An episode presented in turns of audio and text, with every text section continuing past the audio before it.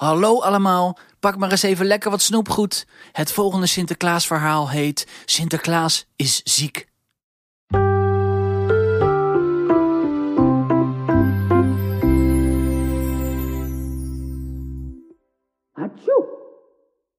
Hoorde jij wat ik hoorde? vroeg hoofdpiet aan huispiet. Ja, dat was duidelijk een enorme nies uit de werkkamer van Sinterklaas. Er volgden nog een paar harde niezen. Hoofdpiet besloot een kijkje te nemen en klopte op de deur. Ja, kom maar binnen. Hoorde hij Sinterklaas heel zacht zeggen. Hoofdpiet vond Sinterklaas een beetje zielig klinken. Hij had er een slecht gevoel bij. Voorzichtig duwde hij de deur open. Hallo, Hoofdpiet. Sinterklaas stak zijn hand op. Hij probeerde dat heel enthousiast te doen, maar Hoofdpiet zag het al direct. Wat eh, kan ik voor je doen? Vroeg Sinterklaas. Naar bed gaan, zei Hoofdpiet direct. Sinterklaas had kleine, waterige oogjes, een rode neus en zijn prullenbak puilde uit met volgesnoten zakdoekjes. U bent duidelijk hartstikke ziek. Intussen liep hij naar het raam en deed dat open. Zo, even luchten. Dan zijn alle vervelende virusdingetjes zo verdwenen. Sinterklaas rilde. Oeh. Kom, zei de hoofdpiet. Help je ook eens even, zei hij tegen de huispiet, die nog bij de deur stond. Ze gingen Sinterklaas voor naar zijn slaapkamer. Hoe moet dat dan vanavond? vroeg Sinterklaas. Ik moet toch het dak op? Daar komt niets van in. Dat regelen wij wel. De hoofdpiet klonk erg zelfverzekerd. Dat was wat Sinterklaas zorgen baarde. Altijd als de hoofdpiet zelf iets ging doen, ging er wel wat mis. Maar hij had nu geen puf om zich er heel druk om te maken. Huispiet hier zal voor u zorgen. U krijgt thee, fruit en een pilletje tegen de koorts. Hij keek de huispiet aan. Kom, kom, waar wacht je nog op? Ja, ja, natuurlijk, ik ga al. Het komt allemaal goed, Sinterklaas. Ze verlieten de slaapkamer. Even later stond de hoofdpiet in het midden van de andere pieten die die avond het dak op zouden gaan om alle schoenen te vullen. Luister goed, zei de hoofdpiet.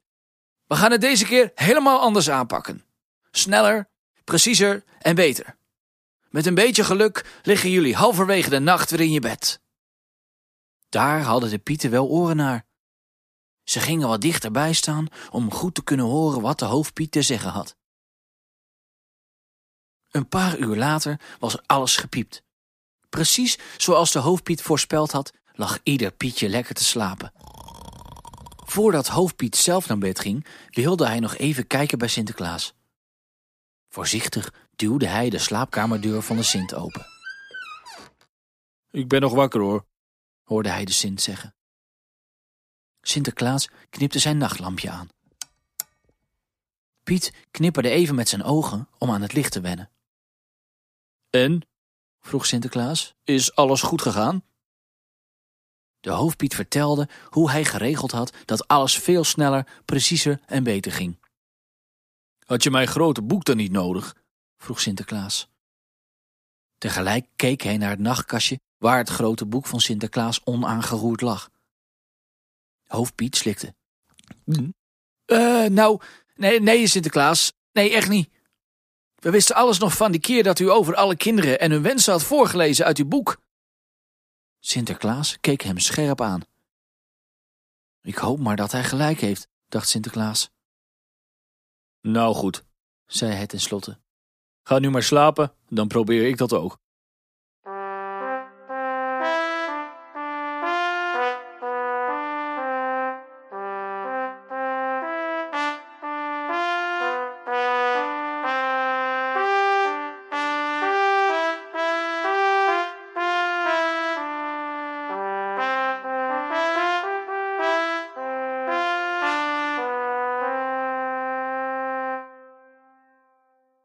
De eerste zonnestralen begonnen te schijnen toen Sinterklaas piepjes hoorde uit zijn telefoon.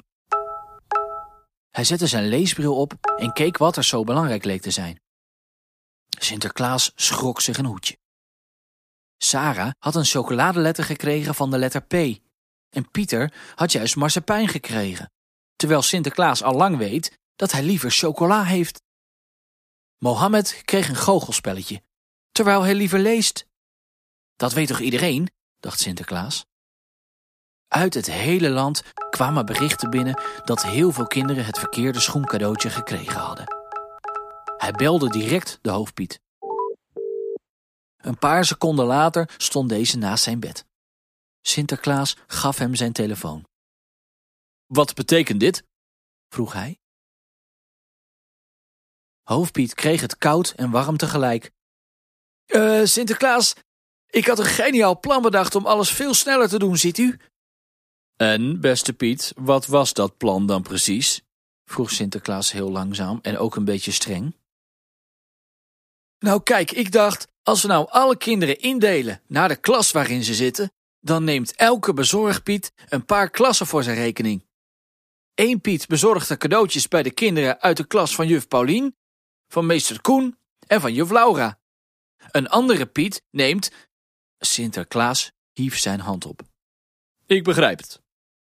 En je dacht dat je alles wel had onthouden van de vorige keer. De hoofdpiet keek naar beneden. Ja, eigenlijk wel. Waarom denk je dat ik alles opschrijf? Omdat u niet alles kunt onthouden, zei de hoofdpiet bedremmeld. En wie nog meer niet?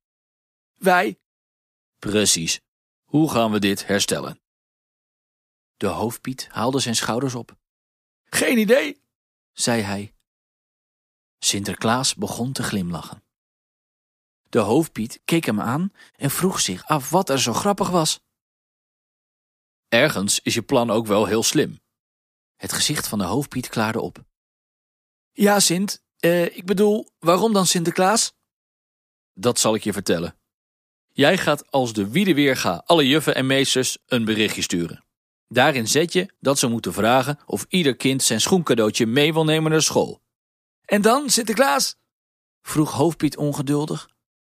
Dan kunnen alle kinderen hun schoencadeautje ruilen met elkaar. En dan heeft uiteindelijk iedereen wat hij wil. Sarah heeft haar marsepein, Pieter zijn chocoladeletter en Mohammed zijn boek. Wat een geweldig idee! Nou, hup, aan de slag dan. Ik voel mij trouwens weer een stuk beter, dus ik kom mijn bed ook maar eens uit. Die ochtend was het in Nederland enorm gezellig in alle klassen. Ieder kind kon zijn cadeautje ruilen en er werd heel hard Dank u Sinterklaasje gezongen. En Sinterklaas zelf? Die was blij dat hij weer beter was en komende nacht zelf weer de daken op kon.